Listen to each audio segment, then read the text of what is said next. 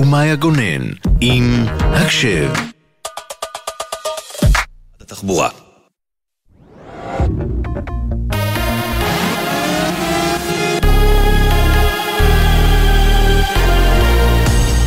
גלי צה"ל השעה שמונה, שלום רב באולפן עמית לוי עם מה שקורה עכשיו. הרמטכ"ל רב-אלוף הרצי הלוי הגיב היום על סוגיית גיוס החרדים ואמר כי בעקבות התקופה כולם צריכים להתגייס להגנה על הבית. המלחמה הזו ממחישה את הצורך לשנות, להצטרף לשירות, להגן על הבית. יש לנו הזדמנות היסטורית להרחיב את מקורות הגיוס לצה"ל בשעה בה הנחיצות היא גבוהה מאוד. אנחנו נדע לייצר את הפתרונות והתנאים הנכונים לכל אוכלוסייה שתצטרף למשימה הנעלה הזו. עוד הוסיף הרמטכ"ל כי על אף ההישגים ישנה דרך ארוכה עד למימוש מטרות המלחמה. ההישגים הצבאיים גבוהים מאוד, אבל בינם לבין מימוש מטרות המלחמה ישנה דרך ארוכה. אנחנו צריכים לפגוע בהנהגה הבכירה, להרוג עוד ממפקדי האויב ופעיליו, להחזיר את התושבים לבתיהם בביטחון ולהחזיר את כל החטופים הביתה. בדבריו רמז רב אלוף הלוי לדברי ראש הממשלה נתניהו, שאמר כי ישראל קרובה מאוד לניצחון המוחלט. בשיחה עם כתבים בעוטף עזה עדכן כי על פי הערכות עשרת אלפים מחבלים נמצאים ברפיח וכי ישראל תבחר את העיתוי הנכון לפעולה במקום ותאפשר לתושבים להתפנות. לדבריו הביא כתבנו הצבאי דורון קדוש. דובר צה"ל, תת-אלוף דניאל הגרי, יחשוף בדקות הקרובות בהצהרתו כי יש בידי ישראל תיעוד של מנהיג חמאס בעזה, יחיא סינואר, בתוך המנהרות בעזה. בריאיון שקיים לפני זמן קצר ברשת הסעודית אל-ערבייה, אמר הגרי, כל תושב בעזה יוכל לראות איך מנהיגי חמאס חיים מתחת לאדמה, ואיך הם לא חושבים על שום דבר חוץ מעל עצמם, משפחותיהם והכסף שלהם. סבב נוסף של שיחות לשחרור חטופים והפסקת האש ברצועת עזה הסתיים היום בקהיר. המשלחת הישראלית בראשות ראש המוסד דדי ברנע וראש השב"כ רונן בר עושה כעת את דרכה ארצה ממצרים, שם נפגשו עם ראש ה-CIA ויליאם ברנס ועם בכירים ממצרים ומקטאר. כתבנו לענייני ערבים ג'קי חוגי מוסיף שגורם מצרי אומר שהשיחות היום להפסקת אש ברצועה התנהלו באווירה חיובית וכי יימשכו גם בשלושת הימים הבאים. את הדברים אמר הגורם לערוץ אל-ערבייה. כתבנו המדיני יניר קוזין מציין כי האלוף במילואים ניצן אלון, מפקד המאמץ לנושא השבויים והנעדרים, לא השתתף במשלחת, סגנו אורן סתר נסע במקומו. כרמית פלטי קציר, שאימה חנה שוחררה מהשבי אך אחיה אלעד עדיין חטוף בעזה, אמרה בשיחה עם טלי ליפקין-שחק, חייבים להצליח ולהשיב אותם. אין לנו זמן לניסיונות, אין לנו זמן לכישלונות. 130 ימים בשבי זה משך זמן מטורף. אנחנו חייבים את העסקה הזאת כדי אה, שאהובינו יחזרו, כדי שנדע שאנחנו יכולים לבטוח במדינה הזאת, וחייבת להחזיר אותם בצורה הבטוחה והמהירה ביותר, וזו עסקה. ראש האופוזיציה יאיר לפיד קרא לחברי קבינט המלחמה, השרים גדי איזנקוט ובני גנץ, להתנגד לחוק הגיוס ולא לשבת בממשלה שתאשר חוק המאפשר לחרדים פטור משירות בצה"ל. כל ה"הותר לפרסום", שמאלנים מתל אביב, כיפות סרוגות מאלקנה, נשים לוחמות, כל מי שנקרא לדגל בה, חוץ מהחרדים. אין ברירה, אנחנו צריכים הרבה יותר חיילים, הצבא קטן מדי לכל האתגרים שלו. החרדים יקבלו פטור סופי מגיוס. ההשתמטות תהפוך לחוקית. אני קורא מפה לבני גנץ וגדי איזנקוט להתנגד לחוק הזה יחד איתנו. כתבנו הפוליטי יובל שגב מוסיף כי לפיד הבהיר שאינו תומך בגיוס בכפייה, אלא בפגיעה בזכויות ובמענקים של מי שאינם נושאים בנטל. בנוסף אמר כי על המדינה להחשיב כמשרתים גם את אנשי זק"א ואיחוד הצלה, אך כי מספרם קטן ביחס למספר ברי הגיוס בציבור החרדי. אחרי האולטימטום של ברקת ליבואניות המזון, שר הכלכלה הגיע להבנות עם חלק מהחברות שהודיעו על העלאת מחירים, וכעת עדכון מחירי מוצריהן יוקפא. בין החברות, שטראוס, סוגת וסלטי שמיר. בימים הקרובים צפוי השר לעדכן באשר לצעדים שיינקטו נגד החברות שנמצאות ברשימה השחורה, כלומר מעלות מחירים בכל זאת, בהן אוסם, שסטוביץ', ויסוצקי, יוניליבר, יכין, וילי פוד, בית השיטה, אחווה וזוגלובק. כתבתנו עינב קרנר מוסיפה כי החברות דיפלומט, תנובה והחברה המרכזית למשקאות שלא העלו מחירים בהעלאה הנוכחית, הודיעו שלא תעלנה מחירים בקרוב. מזג האוויר, הטמפרטורות גבוהות מהרגיל העונה, במהלך הלילה יחלו לרדת גשמים מקומיים מלווים בסופות רעמים, קיים סיכוי קל משיטפונות בנחלי הדרום והמזרח. אלה החדשות שעורכת נועה ברנס.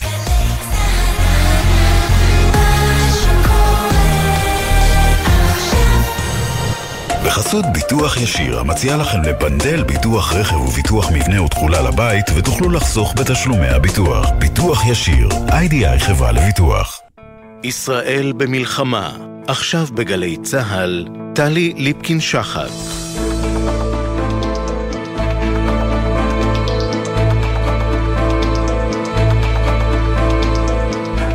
שלום לכם, תשע וכמעט שש דקות. אנחנו ממתינים להצהרת אה, דובר צה"ל, תת-אלוף דניאל הגרי, שאמורה להינתן ממש אה, בעוד אה, דקה או שתיים, דברים שאמר הערב תת-אלוף הגרי בריאיון לערוץ אל-ערבייה, מנהיגי חמאס חושבים רק על עצמם והוסיף חובה להביס את חמאס כדי שאירועי שבעה אוקטובר לא ישובו, ושם סיפר וגילה כי הערב יחשוף את ה... את הסרטון הזה בפני הציבור בישראל. במרחב ח'אן יונס, בירת חמאס בדרום עזה, אותה ניתן לראות במפה כעת. יש את ח'אן יונס של מעלה, אזור נרחב ומורכב, אשר בנוי מטלאים של שכונות צפופות ודחוסות, רבי קומות, כפרים ושטחים חקלאיים. בתחילת חודש, החודש, עצרנו את קרובי המשפחה ממעגל ראשון של בכירי ההנהגה של הזרוע הצבאית של החמאס ברצועת עזה ומסביבתו הקרובה של יחיא סינואר. בגין חשד למעורבות בפעילות טרור. העצורים הועברו לחקירת שירות הביטחון הכללי. בין העצורים, אביו של המח"ט, רפה סלאמה, מח"ט ח'אן יונס, ובנו של חוסני חמדאן, ראש המערך של החמאס, אחד מראשי המערכים של החמאס. הם מספקים לנו מודיעין רב בחקירה של שירות הביטחון הכללי. יש את ח'אן יונס תחתית גם. זוהי רשת מנהרות תת-קרקעיות מסועפת של עשרות קילומטרים בעומק של עשרות מטרים מתחת, לאדם, מתחת לקרקע. בחודשים האחרונים אנחנו מפעילים במרחב הזה שיטת לחימה ייחודית. תמרון משולב מעל הקרקע ומתחת לקרקע במקביל באמצעות יחידות מיוחדות, טכנולוגיה מתקדמת ומודיעין מדויק בהובלה של אוגדה 98 ופיקוד הדרום. המבוך התת-קרקעי מתחת לח'אן יונס מורכב ממספר סוגים של מנהרות. תשתיות ותוואים. יש מנהרות שהן מתחם שתפקידן לייצר מקום מחבוא למחבלי חמאס, ויש מנהרות, מעבר, שנועדו לאפשר תזוזה של מחבלים בין חלקים שונים של הרצועה. במרכזם של המנהרות, בלב ליבו של מפעל המינור של חמאס, קיים המערך התת-קרקע האסטרטגי של הארגון. מדובר במספר מתחמים תת-קרקעיים, עשרות מטרים מתחת לאדמה, שיועדו עבור שהיית בכירי חמאס, ניהול הלחימה בשגרה וחירום, החזקת חטופים, החבאת כספים, חומרי מודיעין ועוד. אנחנו ממוקדים במציאת המתחמים, הגענו למרביתם, ונמשיך לסרוק במרחב ולאתר את אלה שנותרו. במסגרת הפעילות המבצעית של לוחמי צה"ל ושירות הביטחון הכללי באזור, פשטנו על מתחם מתחת לבית הקברות באזור בני סוהילה, אחת השכונות בלב ח'אן יונס, בה היו חדרי שינה של בכירי חמאס מתחת לבית קברות ומשרד של מפקד הגדוד המזרחי בחטיבה של ח'אן יונס. ממנה הם ניהלו את ההתקפה בשבעה באוקטובר. באותו מרחב פשטנו גם על מתחם בו הוחזקו חטופים בזמנים שונים ופרסמנו את המודיעין הזה, את המידע הזה. בימים האחרונים בפעילות של יחידות מיוחדות נחשפו עשרות מטרים מתחת לאדמה של, של מנהרה שבה מצאנו גם וידאו ממצלמת אבטחה של חמאס שהותקנה במנהרה. מנהיג חמאס ברצועת עזה, רב המרצחים, יחיא סינואר, בורח עם ילדיו ועם אחת מנשותיו ברחבי רשת המנהרות, מובל על ידי אחיו, אברהים סינואר. בתיעוד שצולם בעשרה באוקטובר, בתחילת המלחמה. כך הוא נמלט עם משפחתו מתחת לאדמה, בתוך מנהרה, לאחד ממתחמי השהייה הבטוחים, אותם בנה מראש. הסרטון הזה של סינואר הוא תוצאה של המצוד שאנחנו מנהלים אחריו. המצוד לא ייפסק עד שנלכוד אותו חי או מת. אנחנו נחושים ללכוד אותו, ואנחנו נלכוד אותו. בהמשך הסריקות הגענו למתחם בו שהה יחד עם בכירים נוספים, מתחבא מתחת לקרקע, בו בזמן שהמלחמה מתרחשת מעליו. בכירי חמאס שוהים במתחם בתנאים טובים. יש להם מזון ושירותים לצד כספות עם ממון אישי של מיליוני שקלים ודולרים במזומן. אנחנו קרובים לפירוק המסגרת הצבאית של חמאס בח'אן יונס. אוגדה 98 סורקת והורגת מחבלים יחד עם יחידות מיוחדות וחטיבות חי"ר וחטיבות שריון. אנחנו ממשיכים לתפוס מחבלים, לחקור אותם באגף המודיעין ושירות הביטחון הכללי ולחשוף עוד ועוד מודיעין. הכי חשוב לנו, קודם כל במודיעין, זה מידע על חטופים, על מנת לקבל החלטות ולהכין מבצעים כמו מבצע החילוץ שביצענו אתמול בלילה. ומעבר לזה חשוב, חשוב לנו המידע על הנהגת חמאס ובכירי חמאס. המודיעין הזה יחד עם ממצאים נוספים חושף בפנינו מעוזים נוספים וקצוות חוט. גם הערב אנחנו ממשיכים לסרוק ולפעול בח'אן יונס. אני רוצה להבהיר, סרטון כזה או אחר הוא לא מה שבאמת חשוב. מה שחשוב זה המודיעין שאנחנו חושפים. מה שחשוב זה שזה יאפשר לנו להגיע לבכירי חמאס ולחטופים, ואנחנו נחושים להגיע אליהם. גם הערב אנחנו לא שוכחים את 134 החטופות והחטופים שמוחזקים עדיין בשבי של החמאס. אנחנו חושבים עליכם כל הזמן. אנחנו פועלים מסביב לשעון בכל המאמצים כדי להחזיר אתכם הביתה, ואנחנו לא נפסיק עד שנצליח. בצפון, בפיקוד הצפון, ביממה האחרונה, כוחות צה"ל באוויר וביבשה חיסלו תשעה מחבלים בשטח לבנון. אנחנו ממשיכים לפגוע בכל כוחנו ביכולות חיזבאללה ולדחוק אותו ממרחב הגבול. ידע כל מחבל של חיזבאללה שמנסה לפעול כנגד מדינת ישראל שאנחנו נתקוף אותו, הוא לא יהיה חסין. לאורך היום הזה זיהינו מספר שיגורים לעבר שטח ישראל מלבנון. לצערנו, באחד מהשיגורים הללו נפצעו שני אזרחים, אימא ובן, באופן קשה. אנחנו נמשיך לפעול בנחישות בגבול הצפון על מנת להשיב את הביטחון. שאלות. ערב טוב, אלי יושמן, חדשות 12. אני רוצה לשאול אותך על הסרטון. הסרטון הזה הוא מתחילת המלחמה, לפני ארבעה חודשים. מה המשמעות של הסרטון הזה אם הוא צולם בתחילת המלחמה? מה אתם לומדים מזה? וגם מה אנחנו יודעים היום על מיקומו ועל מצבו של סינואר. אנחנו לא חשבנו אה, לפני ארבעה חודשים שאנחנו נפעל מתחת לאדמה. אנחנו אה, ממש נמנענו מלעשות את זה, חשבנו שנפעל מתחת לאדמה רק אם במצב הלחימה יקרה משהו לאחד מהלוחמים ונידרש להגיע אליו כי הוא אה, אה, נחטף לתוך אה, פיר בלחימה. הבנו במהלך המלחמה שאנחנו צריכים לפתח שיטות ויכולות כי חמאס בנוי על ניהול המלחמה מתחת לאדמה. ולכן הפעולה הזאת היא מלמדת את היכולת שלנו ובח'אן יונס זה בא לידי ביטוי ברמה הכי גבוהה שאנחנו נעים, הורגים מחבלים מתחת לאדמה ובמקרה הזה גם מוצאים הרבה מאוד מודיעין.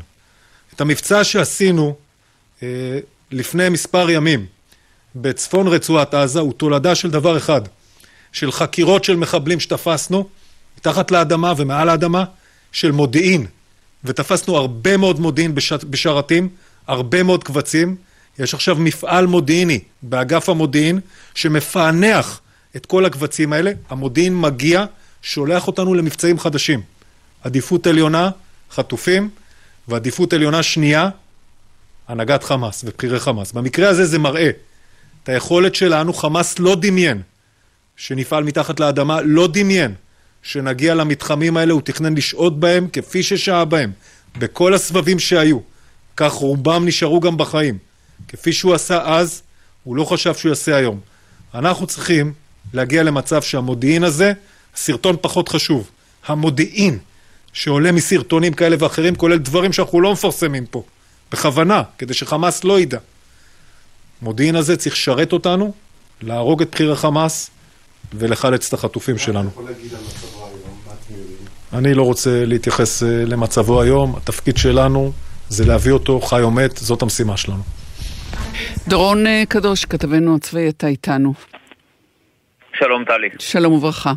אז ראינו את הסרטון, הוא, הוא מטלטל, מאוד ממחיש ומאוד אמיתי, גם אם הוא מלפני ארבעה חודשים.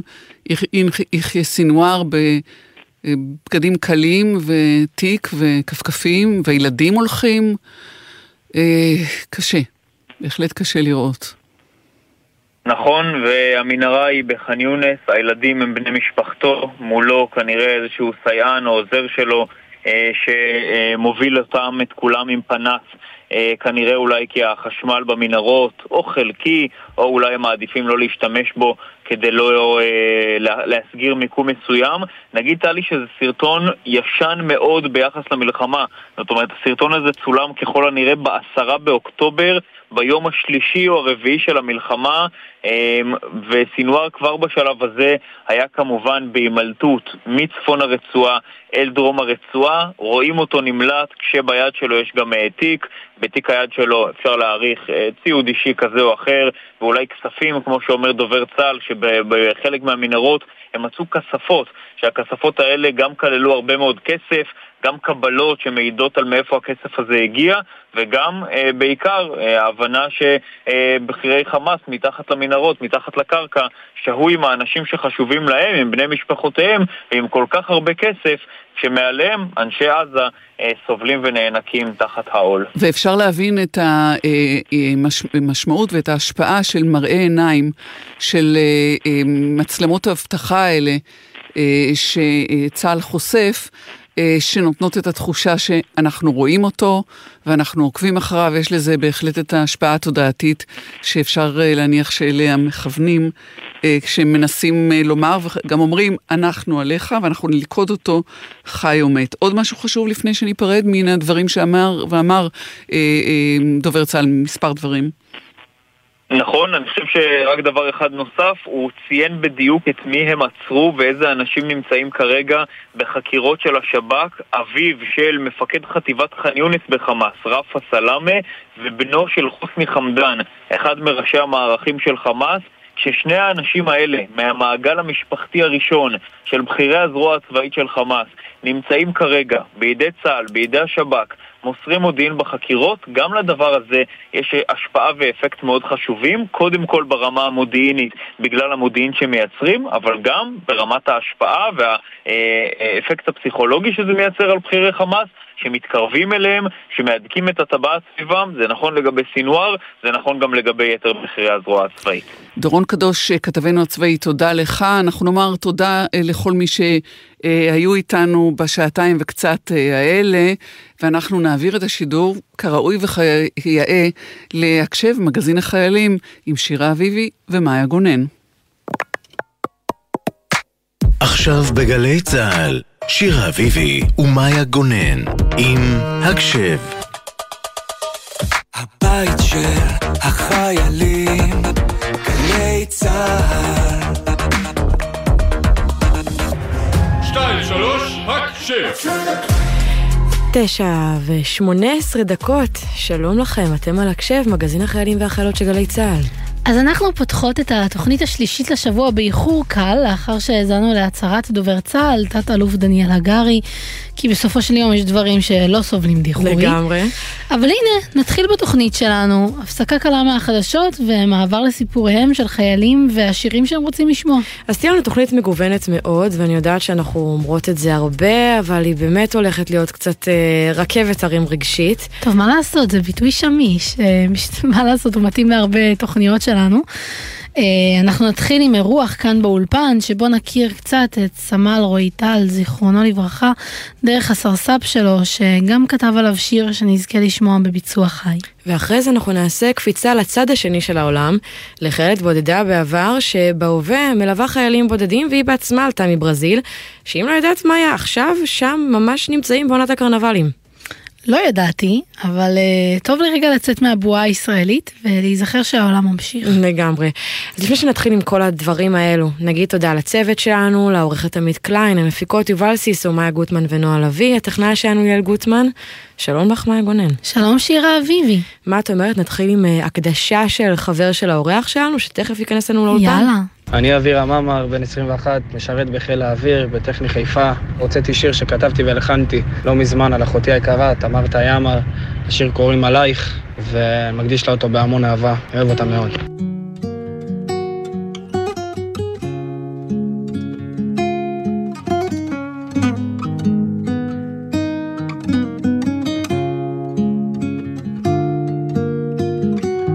רגע שקט, שתי דקות אני בדלת. משתגע אז עוצר את הזמן. מת להתעורר למציאות אחרת. לתסריט כזה שאת עוד כאן. רגע שקט, אני בודק שאת נושמת. אני פה מחזיק לך את היד. לא הספקנו כלום, בבקשה שאת לא הולכת מכאן איך הזמן עוצר?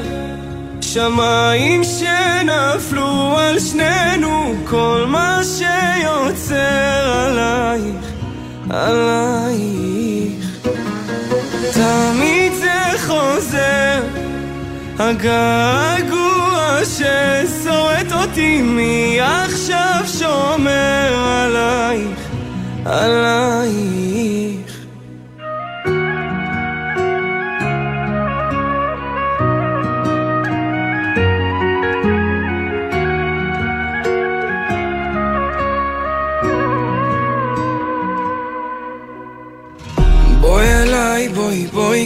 הביתה.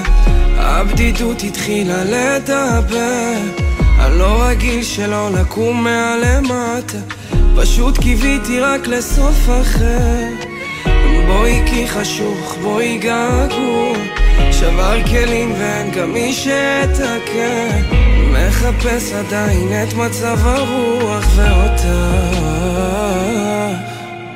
איך הזמן עוצר שמיים שנפלו על שנינו כל מה שיוצר עלייך, עלייך. תמיד זה חוזר הגעגוע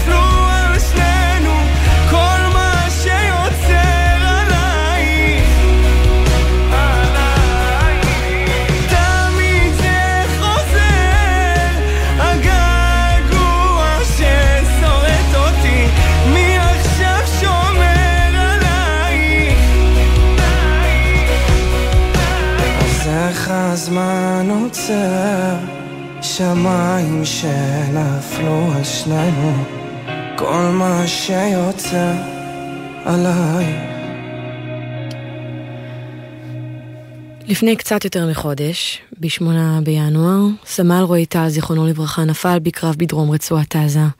רועי היה בן 19 בנופלו, שירת כחובש קרבי והותיר אחריו הורים וחמישה אחים ואחיות.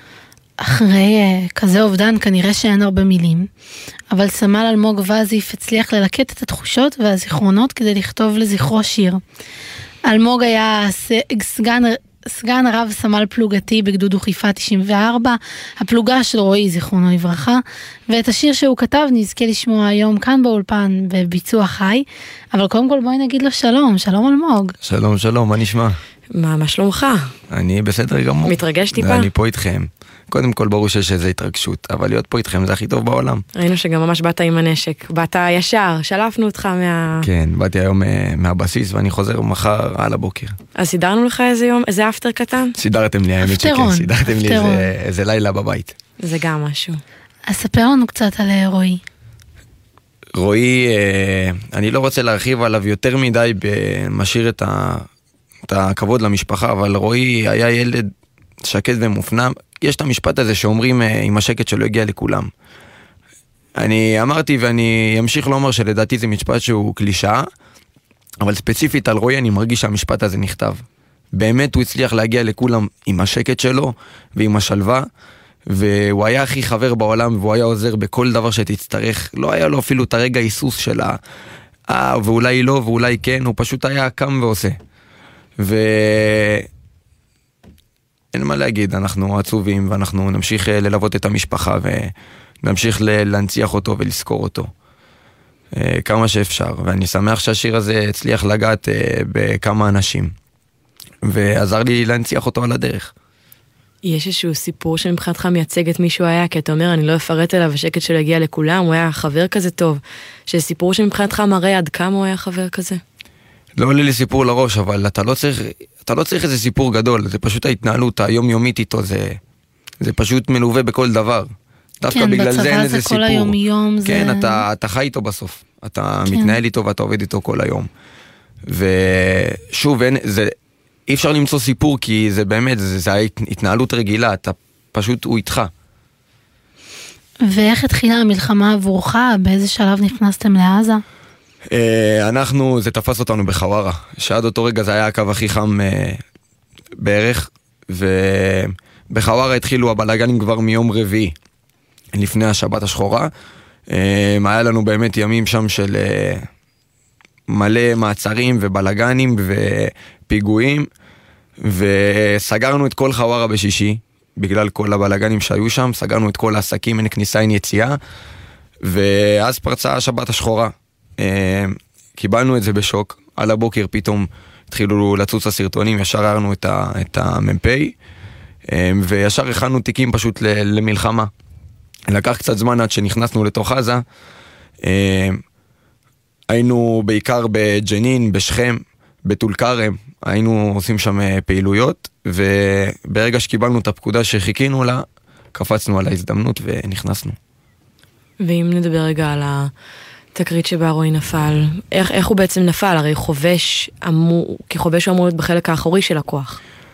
אה, נכון, הוא אמור להיות בחלק האחורי, אבל אה, הבן אדם לוחם על, הוא פשוט אה, ביקש מהמפקד שלו, אמר לו, היום אני החלטתי שאני רוצה לפתוח ראשון את הבית, כאילו, אני רוצה, אני, אני היום, זה שלי. ידעת שהוא כזה? זה הפתיע אותך? זה, שוב, זה לא מפתיע, כי... לא, זה פשוט לא הפתיע, הוא, הוא, הוא, הוא כזה, הוא פשוט כזה. הוא אחד שבא ועושה, הוא לא צריך לדבר, הוא לא צריך יותר מדי לעשות רעש, תראו אותי. הוא אוהב לעשות. וגם כשסוף סוף יצאתם הביתה מעזה, זה בטח היה מלווה ברגשות מעורבים, זאת אומרת, לדעת שהרבה חברים עדיין נלחמים שם, מול הרצון להיות בבית עם המשפחה. נכון. האמת שהיציאה, ברור שהיא הייתה כיפית, אבל הכיף הזה גם מלווה בכאב. כי בזמן שאתה יוצא הביתה, אמנם לא ראית את המשפחה כל כך הרבה זמן ולא דיברת איתם. סגרנו 16 שבתות, 17 שבתות, ואתה כבר מגיע למצב שאתה אתה כבר לא סופר, כי אם אתה תספור אתה תאבד את זה. אבל יצאנו והיינו שמחים שסוף סוף אפשר להיות בטלפון קצת, וסוף סוף אפשר לשמוע מוזיקה שאתה בוחר מעבר לרדיו, למרות שהיו שירים מדהימים. אבל uh, שמחנו, ועם כל השמחה אתה עדיין רואה שאנשים נופלים, ואתה יודע שיש לוחמים בפנים, ואתה יודע שיש לך חברים בפנים מהסביבה הקרובה, או משפחה, ו...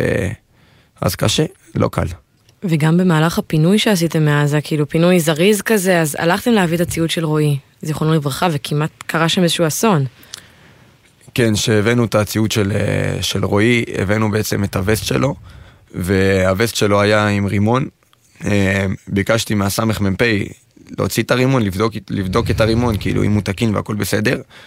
אה, הסמ"פ הוציא את הרימון, זה היה בחושך. זה היה כבר מאוחר שאספנו את הכל. הוא הוציא את הרימון, הוא הסתכל, והוא אומר לי, אה, הוא בסדר, הוא תקין. באמת, הסתכלתי איתו, זה היה נראה שהוא תקין הרימון. מכניסים אותו בחזרה לווסט, ומגיעים בעצם לאיתור שאנחנו נמצאים בו. שאנחנו יושבים בו, הסמ"פ, החבר'ה אומרים לו, אתה יכול לבדוק את הרימון? הוא אמר להם, כבר בדקתי. אנחנו אומרים לו, טוב, תבדוק, תבדוק שוב עכשיו באור. אה, הוא בודק את הרימון, ואנחנו רואים בעצם שהרימון קרוב מאוד ללהתפוצץ. אה, הנצרה הייתה כמעט בחוץ, המנוף, שזה החלק שבעצם ברגע שהוא עף, הרימון הזה הוא מתחיל את, את עבודתו. הוא היה משוחרר מאוד, והיה גם רסיסים על הרימון. למזלנו, הסמ"פ אה, יודע לתפעל את האירוע, תפעל אותה בצורה יפה מאוד, וכולם, ברוך השם, בריאים ושלמים, וכולם יצאו מזה בסדר. שמע, מזל אה, שבדקתם את הרימון עוד פעם, לא רק בחושך, אלא גם באור, כי זה... ממש נס. חס וחלילה יכל להיגמר הרבה יותר גרוע, אנחנו מאוד שמחים שלא. ובתחילת הראיון גם הבטחנו שאתה הולך לבצע כאן גם שיר שכתבת. הקשר בינך לבין מוזיקה התחיל עוד לפני המלחמה או במהלכה? הקשר התחיל לפני המלחמה, הוא תמיד היה, אבל הוא קצת יותר התגבר בצבא, ו... וזהו, התחלתי לכתוב, ראיתי שזה נוגע בהרבה אנשים, ואמרתי, למה לא? וזה מה שמניע אותי להמשיך. ההודעות שאני מקבל, והתגובות שאני מקבל, גם אנשים ששומעים את השירים לידי ואני רואה אותם עם דמעות בעיניים, אה, אתה יודע שזה מצליח לגעת. ו... וזהו, זה, זה קונה אותך. יצא לך גם לכתוב בתוך העזה, לקחת איתך איזה דף ועט, משהו, לתאר מה עובר עליך, כי זה חוויות שלא יודעת, אי אפשר בכלל להכיל אותן. זה פחות היה אה, לתאר מה עובר עליי, אבל זה היה לפרוק את הכל בצורה של שירים. היה לי מחברת שכתבתי במחברת השירים של אלמוג. ובמחברת הזאת כתבתי את כל השירים שלי, בכל זמן שהיה לי שם, ולא היה יותר מדי זמן, הייתי תופס את המחברת ורושם, פורק את מה שיש לי על הלב, אה, וזה אחד מהשירים. דמיין אבל אה, כזה כותרת לאלבום שירים מעזה, לא יודעת, איזה משהו כזה, מחברת השירים של אלבום. אנחנו כבר מחכות לאלבום, אתה רואה מה זה? אנחנו כבר ב... רצנו קדימה קצת. ציפיות. כן. אמ, וכמו שאתה אומר, מערכת היחסים ביניכם הייתה קודם כל של סרספ ולוחם בפלוגה, איך קרה שגם נולד מהקשר הזה שיר? אה, קודם כל כי ברור שבסוף אה, אני הסרסאפ והוא הלוחם בפלוגה, אה, אבל קודם כל גם החברים שלו באו אליי וביקשו ממני לכתוב שיר, אבל זה כאילו, זה שיר שהתחלתי לכתוב עוד מלפני. זה, זה גרם לי להמשיך אותו, אבל... אבל זה לא קשור, הוא, הוא באמת הצליח לגעת בי, הוא היה, היה בו את המעבר, זה, זה, זה שתופס לך את העין, הוא לא כמו כולם. יש 80-90 חבר'ה בפלוגה, אבל אבל הוא אחד מ... הוא באמת נשמע משהו מיוחד, אז אה, בוא נשמע את השיר. יאללה, שם.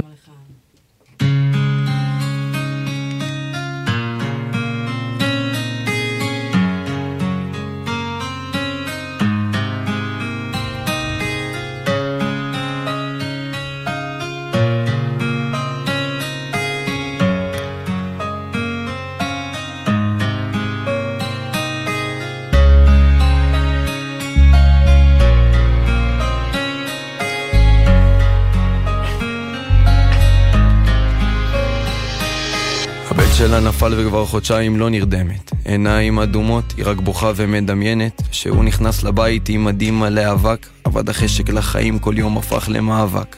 פתאום הפלאפון משמיע קול של מלאכים, הלב שלה דופק שומעים אותו מכל הכיוונים. כאילו מחובר לרמקולים מעל העננים, הוא האיר את כל הבית, קרן שמש בשבילים. ועל הצג מופיע את השם של המלאך, אני עוזה ומדמיינת, זה הבן שלי שנרצח, אז איך זה הגיוני, שעכשיו הוא מתקשר. כל גוף שלי רועד, אני עונה, אסור לוותר. תקף אותי הפחד, הוא גבר על הרצון, אני ראיתי שסחבו את המלאך שלי בארון. אבל היד שלי מתרוממת, היא פועלת כרצונה, מנסה להתנגד, ובכל זאת יונה. אמא, זה אני, יש פלאפון פה בגן עדן. הכל ממש יפה, אולי תצאו קצת מהאבל. אני נשבע שטוב, מרגיש בנחת פה למעלה. תודה על מה שנתת, אני אוהב אותך יממה. ולכל המשפחה תגידי שאני בסדר מסתדר. דואגים לי להכל, אני אוכל, אני ישן. אני חייל בצבא המלאכים של ישראל, צופה פה מלמעלה, עליכם אני שומר. לא רוצה להיות גיבור, לא רוצה לקבל עיטור, ניפצתי אלף לבבות, עוד אתקן את השבור. פה לכל דבר צריכים אותי, הסתכלו למעלה, תדברו איתי כולם ותחזקו לי גם את אבא, אני ממתין לכם, ואוהב בערימות אני מחכה לכם, שומר לכם פה כיסאות, תודה על כל מה שהיה, תודה גם עליכם. משפחה לא בוחרים, אבל זכיתי בכולכם. אתה רואה אותי פה עם דמעות. כן, האמת שכן. וואו. זה היה מרגש, אני רואה שגם בך זה- מצמרר. כן. לא יודעת, אני, אני לא מכירה את רועי מן הסתם, אבל זה כזה, פתאום אני מרגישה שלשנייה הצלחתי דרכך להכיר אותו. שזה גם בדיוק העניין, אני חושבת, כי השיר הוא הצליח בכל מיני פלטפורמות, כי הוא נוגע בכל מיני זוויות, גם בלי להכיר את רועי, הוא מהדהד בכל אחד משהו אחר. נכון. ממש, ממש. מה הייתה, מה המשפחה שלו אמרו על השיר? אני חייבת לדעת. האמת שלפני שהעליתי את השיר הזה, לפני שפרסמתי אותו, הייתי חייב, קודם כל אמרתי שאין סיכוי שאני מעלה אותו בלי ליידע את המשפחה. כן, כי אין מה לעשות, בסוף זה המשפחה שלו, ואני חס וחלילה לא רוצה שהם יקבלו את זה ברע. אה, בעיקר שיש שם מילים שבאמת יכולות לקרוע את הלב, אז אני לא ידעתי כמה זה מתאים. אמרתי, קודם כל אני שולח למשפחה שלו, לפני שאני מעלה. וביקשתי ממישהו בעצם להעלות את זה לזכרו. אמרתי להם, זה שיר שכתבתי בשבילו, ואני רוצה, אני רוצה להנציח אותו, שהשם שלו יהיה בכמה שיותר מקומות. והם שמעו את השיר, אמרו לי שזה וואו, ומה שזה עשה להם זה לא נורמלי. אה, ושכן, שהם מסכימים. הם אמרו לי האמת שהם מסכימים עוד לפני שהם שמעו אפילו, אבל אמרתי להם חכו רגע, תשמעו קודם כל. אה, אחרי זה שדיברתי איתם כבר, שראינו אותם, אה, הם אמרו לי שבהתחלה הם כאילו התפרקו ברמות, ו... והם לא הצליחו. הם לא הצליחו יותר מדי... אה, כן, גם אנחנו קצת מפורקות פה, ואני מניחה שלהורים שלו זה הרבה יותר. ובסדר, ובסוף הם קיבלו את זה בטוב, הם גם ביקשו ממני האמת לבוא ו... ולבצע את זה באזכרה שלו בשלושים. בהלוויה לא זכינו להיות כי עדיין היינו בתוך עזה, אבל באזכרה שלו הגעתי והיה את השיר הזה, ויצא איך זה שעוד היה אנשים. עבורך לבצע את זה בכזה מעמד ב-30? זה... האמת. שהייתי אמור לבצע את זה, אבל בסוף בגלל אה, תקלות טכניות, אז אה, לא יכלתי לבצע את זה, Mm. והם החליטו לשים את זה ברמקול. הפעילו את הסרטון ממש ברמקול, והשמיעו את זה שם, ו... זה היה- זה צמרמורת. כן, זה, זה נתן לי, אבל איזה, זה עשה לי משהו קטן בלב, אמרתי, טוב, זה אומר שקיבלו את זה בטוב ואהבו את זה. ברור. וזה מה שחיפשתי בסוף. זה דרך כל כך מדהימה להנציח אותו, אין ספק. מה אתה חושב שהוא היה חושב על השיר אם הוא היה זוכה לשמוע אותו? האמת ששאלתי את השאלה הזאת את, אה, את אימא שלו, ו... והיא אמרה לי, תשמע, זה פחות הסגנון שאנחנו שומעים בבית, אבל אתה הצלחת לקלוע בול לסגנון שהוא אוהב. היא אומרת, כשביקשתי יום אחד לשמוע, אמרתי לו, תשים את, ה... את השירים ש... שאתה אוהב, אני רוצה לשמוע אותם. הוא אמר לה, אמא, את לא תאהבי. היא אמרה לו, אבל תשים, אני רוצה לשמוע מה, מה אתה שומע. ואז אה, הוא שם, והיא אומרת לו, כאילו, מה זה השירים האלה? אבל היא אומרת, זה, זה בדיוק הסגנון ש, שהוא אהב, זה, אתה הצלחת לקלוע בול. אמרתי לה ש, שזה לא. בכוונה, אבל זה עשה אותי מאושר. ממש. כנראה באמת קלטת בו איזה משהו, ו... אז תודה רבה, סמל אלמוג ואזיף ששרת וניגנת לנו. נקווה שנתראה שוב בנסיבות אה, יותר משמחות, וכמובן שתצליח בעולם המוזיקה או בכל מה שתבחר בו בעצם, כי אותנו לגמרי אני רוצה, ריגשת. כן, אני רוצה לקחת את ההקלטה הזאת ולשים אותה בפלייסט שלי ולבכות לה באוטו. כן, יאללה, תוציא לנו את זה, אתה יודע, תוציא לנו את זה מקצועי. נראה מה יהיה בהמשך, בואו נראה איך נתקדם עם זה. תודה רבה לך. אז תודה רבה תודה. רבה לכם, ושיהיה המשך שידור נעים. תודה רבה. תודה רבה. אז עכשיו אנחנו נמשיך להקדשה. כאן לידור זר, סמל במילואים. רוצה להקדיש את השיר "חן דתי סיגל" לאימא שלי, סיגל היקרה. אוהב המון.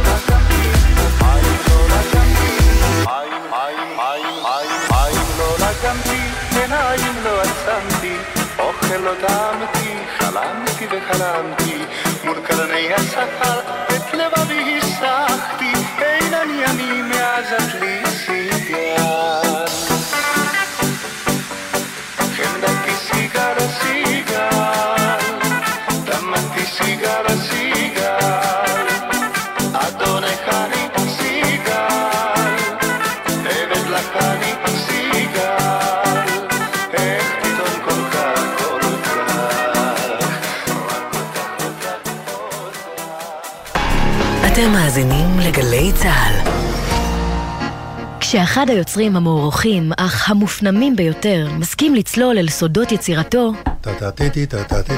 זה הזמן לפוד כספי.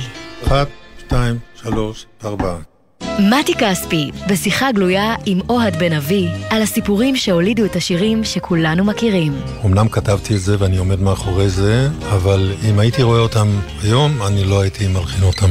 פוד כספי, עכשיו באתר וביישומון גל"צ גלגלצ, ובכל מקום שאתם מאזינים להסכתים שלכם. גלי צה"ל, מדברים מהשטח, שומעים מהשטח. אנשים שנולדו לפני שנת 1990 לא מכירים את זה. הגענו עד לעוטף, לכל היחידות שמשנעות את כל הדברים לתוך הרצועה, כדי שכולם יוכלו לשמוע את הבית. היינו שומעים אותך, היינו שומעים את אילנה דיין. כשאתם שם בפנים אתם מרגישים אותנו מאחורה? מחבקים אתכם? וואו, ממש, ממש. כמה סוללות צריך לדבר הזה, אני אפילו לא יודעת. זה לא יספיק, קח כל הקופסה. סומכת עליך שזה יגיע לכל החיילים בפנים, שישמעו, אוהבים אותם. אני יכולה לתת לך חיבוק, מותר לי? תודה, תודה בהצלחה רבה. לכולכם. תודה. גלי צה"ל, פה איתכם, בכל מקום, בכל זמן. עכשיו בגלי צה"ל, שירה אביבי ומאיה גונן עם הגשב. בית של החיילים, גלי צה"ל. כאן רון גדסי, מחטיבת כפיר, גדוד שמשון, פלוגת המסייעת. אה, אני רוצה להקדיש ל- לאימא שלי היקרה את השיר אה, "בשבילה אתה מלך העולם" של שלמה ארצי. תהנו.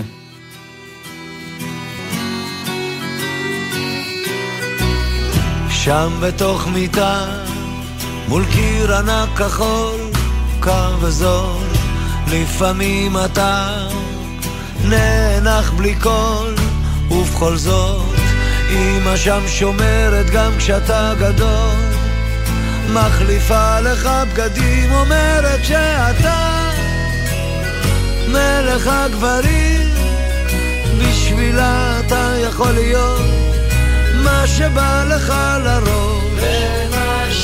מלך החיות או מלך ההרים, אם תטפס אי שם, קום תהיה כל מה שבא לך, כי בשבילה אתה תמיד מלך העולם.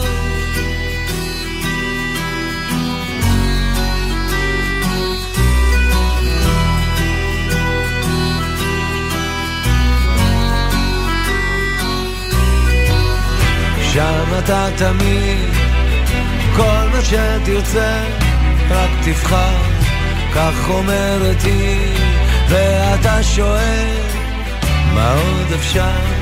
מה שלא הייתי בטח לא אהיה. מחליפה לך בגדים, אומרת שאתה מלך הגברים, בשבילה אתה יכול להיות מה שבא לך לראש. למשל.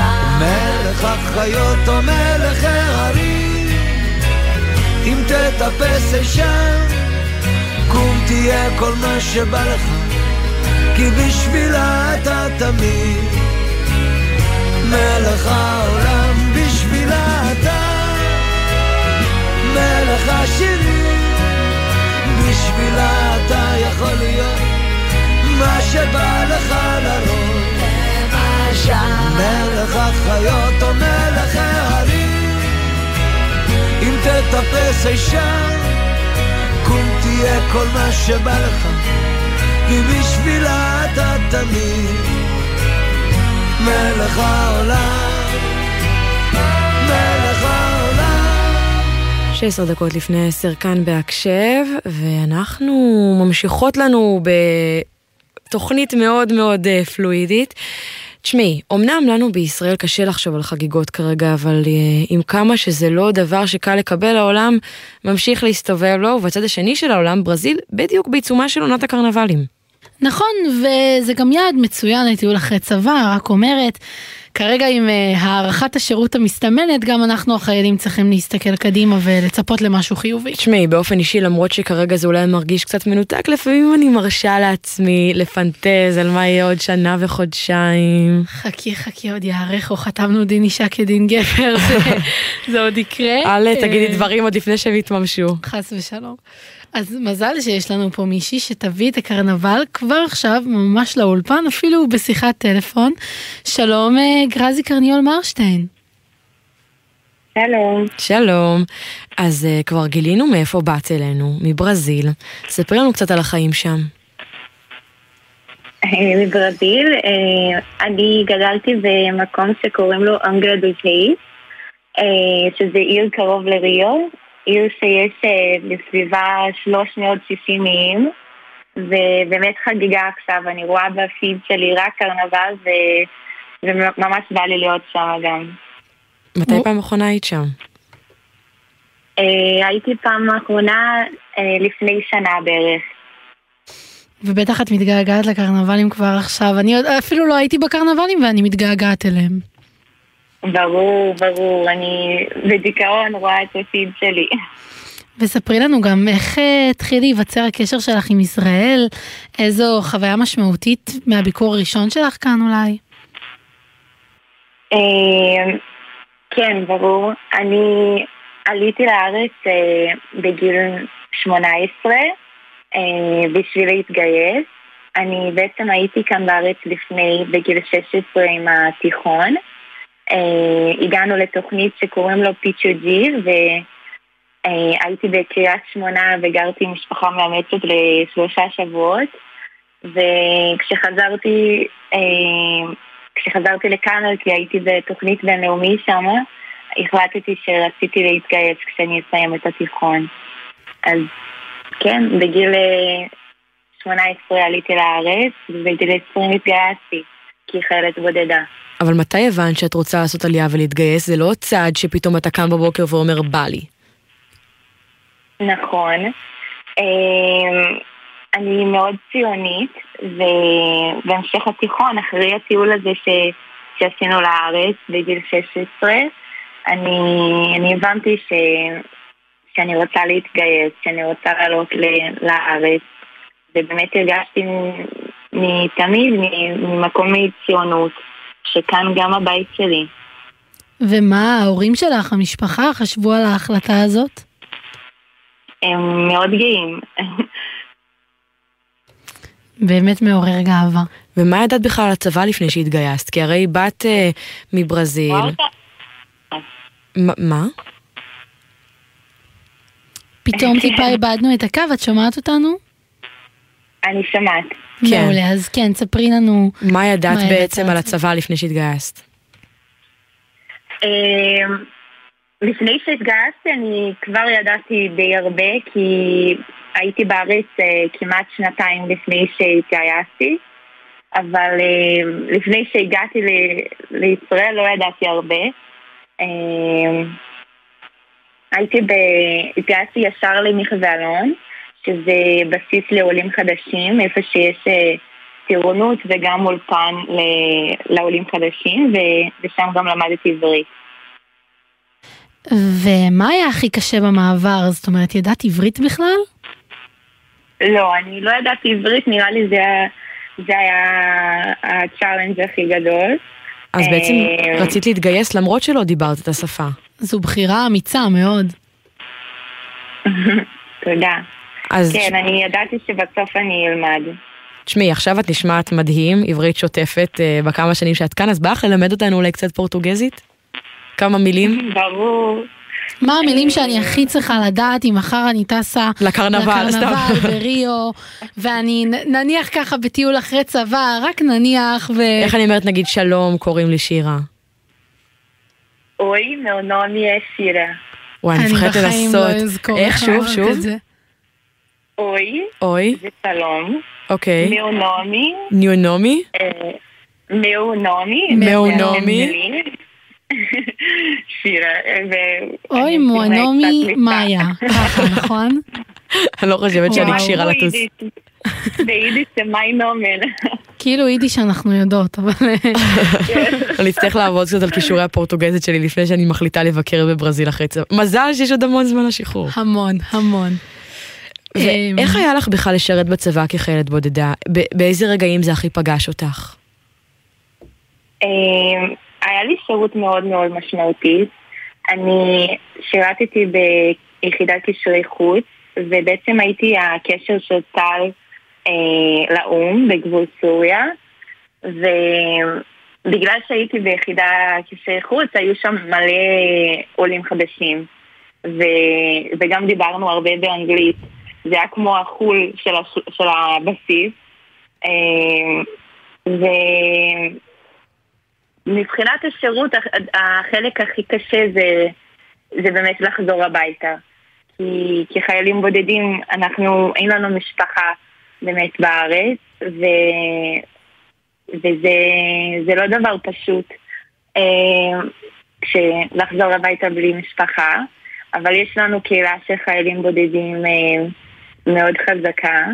ובשביל זה גם יש את הארגון אח, גד- אח גדול שאני היום גם אה, מתנדבת אצלם ואולי נספר קצת על- עליהם עוד מעט.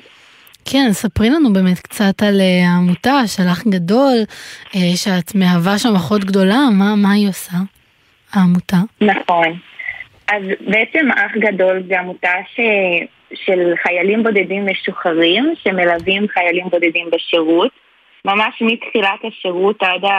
עד הימים האחרונים בצבא וגם אחרי, כי גם החיים אחרי הצבא אה, לחיילים בודדים יכולים להיות לא, לא פשוטים. אה, ואני כי, כחיילת בודדה שהייתי בצבא, השתחררתי ומאוד רציתי, אה, לא, רציתי לתרום חזרה לקהילה של חיילים בודדים. אז התנדבתי, כי אני מתנדבת עדיין כאחות גדולה. יש לי שלושה חיילים שאני מלווה אותם, קוראים להם אה, זיובנה, ארסני ודליה, הם מברזיל, ארה"ב ורוסיה. ובעצם באמת כדי להיות אה, אחות גדולה ולהקשיב להם, לדבר, אנחנו מדברים בטלפון כל הזמן, ולשבת לקפה כשהם חוזרים הביתה, רק כדי לפרוק על השבוע, ו, וגם לעמותה יש להם המון יכולות לעזור בכל דבר שהם צריכים. זה אה, נשמע וזה מאוד קשר מאוד מיוחד, לזה. ממש קשר מיוחד. זה מדהים שיש להם מישהו לדבר איתו כשהם יוצאים הביתה ולא להרגיש לבד. נכון. ואחת זה הבנות שאת מלווה היא גם חיילת בודדה שעלתה מברזיל. ספרי לנו על הקשר שלכן, והאם זה ששתיכן מברזיל מחזק משהו בשייכות? ממש. אה, קוראים לה ז'ובאנה, וברגע שסיפרו לי שאני אקבל חיילת ברזילאית, אני, אני כבר מאוד התרגשתי, ואנחנו התחברנו ממש מהר, והיא באמת כמו אחות קטנה בשבילי. ואנחנו מדברות בטלפון כל הזמן, מספרת היא עכשיו בהכשרה להיות מדריכה, מספרת כל מה שהיא עוברת, ומה היא מתבאסת, ומה היא מתרגשת, ו... וכיף לי להיות שם בשבילה, אה, ומחכה גם להגיע לטקסים שיהיו להם. זה ממש מדהים שיש לכם את הקשר הזה ביחד, ואין לי ספק שהיא מרגישה כל כך הרבה יותר בטוב פה בארץ כשיש לה אותך, והזכרנו בהתחלה את הקרנבל, אפרופו ברזיל, את אה, מלווה חיילת ברזילאית, את היית בעצמך מברזיל, והקרנבל שמתקיים שם עכשיו, אז ספרי לנו מה באמת קורה שם, מה חוגגים, איך חוגגים, מי האנשים שמגיעים לחגוג. אז באמת קרנבל זה פשוט מסיבה גדולה, אה, בלי הר- הרבה, כאילו, אין הרבה סיבות מאחורי זה, זה פשוט אה, לצאת, כולם יוצאים לרחובות ורוקדים וחגיגה, אה, חגיגה ענקית לשבוע, אין לימודים, אין עבודה, אה, הדבר היחיד שעושים זה לחגוג ולרקוד. ולסיום, ספרי לנו איזה שיר בחרת לנו. אמ, איזה שיר זה? אביב אמרה לי ש... שריו, כן. השיר שאתם, שיש להם? כן, לכם? כן, אז אנחנו באווירת הקרנבל, אנחנו עוד רגע נשמע את בולריו של יהודית רביץ, שיר מהמם שיכניס אותנו ככה לסיום לאווירה. תודה רבה לך קרזי קרניול מרשטיין, שיהיה לך לילה טוב, והמון בהצלחה, ואיזה כיף לנו כאומה ישראלית שזכינו בך. ורק לפני שנשמע את השיר, תודה רבה נגיד לך. תודה רבה אה, גם לך, גרצי, וגם לעורכת שלנו, עמית קליין, למפיקות יובל סיסו, מאיה גוטמן ונועה לביא, אה, הטכנאי שלנו הלל גוטמן, ותודה גם לך, שירה אביבי, שהייתי איתי כאן הערב. תודה לך, מאיה גונן. אמ, אנחנו נסיים על רקע השיר הזה, שאומנם אנחנו לא יכולות להיות כרגע שם, כי... נדמיין, נדמיין שאנחנו בקרנבל. תשמעי, אבל בכל... זה נדוש, אבל אין, אין כמו ישראל. אין כמו ישראל. אז כמו בכל יום, נתפלל לשלומם של כל החיילים. נקווה שיחזרו כבר הביתה בשלום. וזהו, שיהיה לילה טוב ושקט. אמן, אמן ואמן.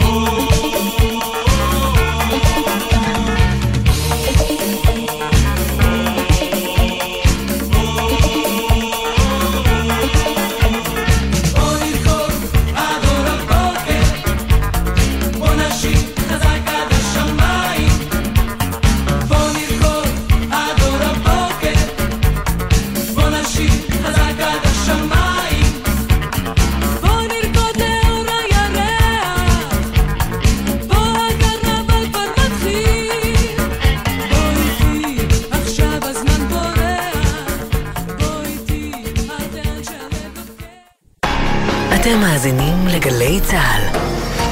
שלום לכל העוקבים שלי ברדיו, קבלו הטבה ששווה אה, עוקב. מנויי הפיס, היכנסו עכשיו לפיס פלוס, הוצאו לבילוי של ערב שלם עם כל המשפחה בפחות מ-200 שקלים. עוד אין לכם מינוי? כוכבית 3990 או בנקודות המכירה. עד חמש נפשות, כפוף לתקנון ולתנאי ההטבות באתר. המכירה אסורה למי שטרם מלאו לו 18. אזהרה, הימורים עלולים להיות ממכרים. זכייה תלויה במזל בלבד. יש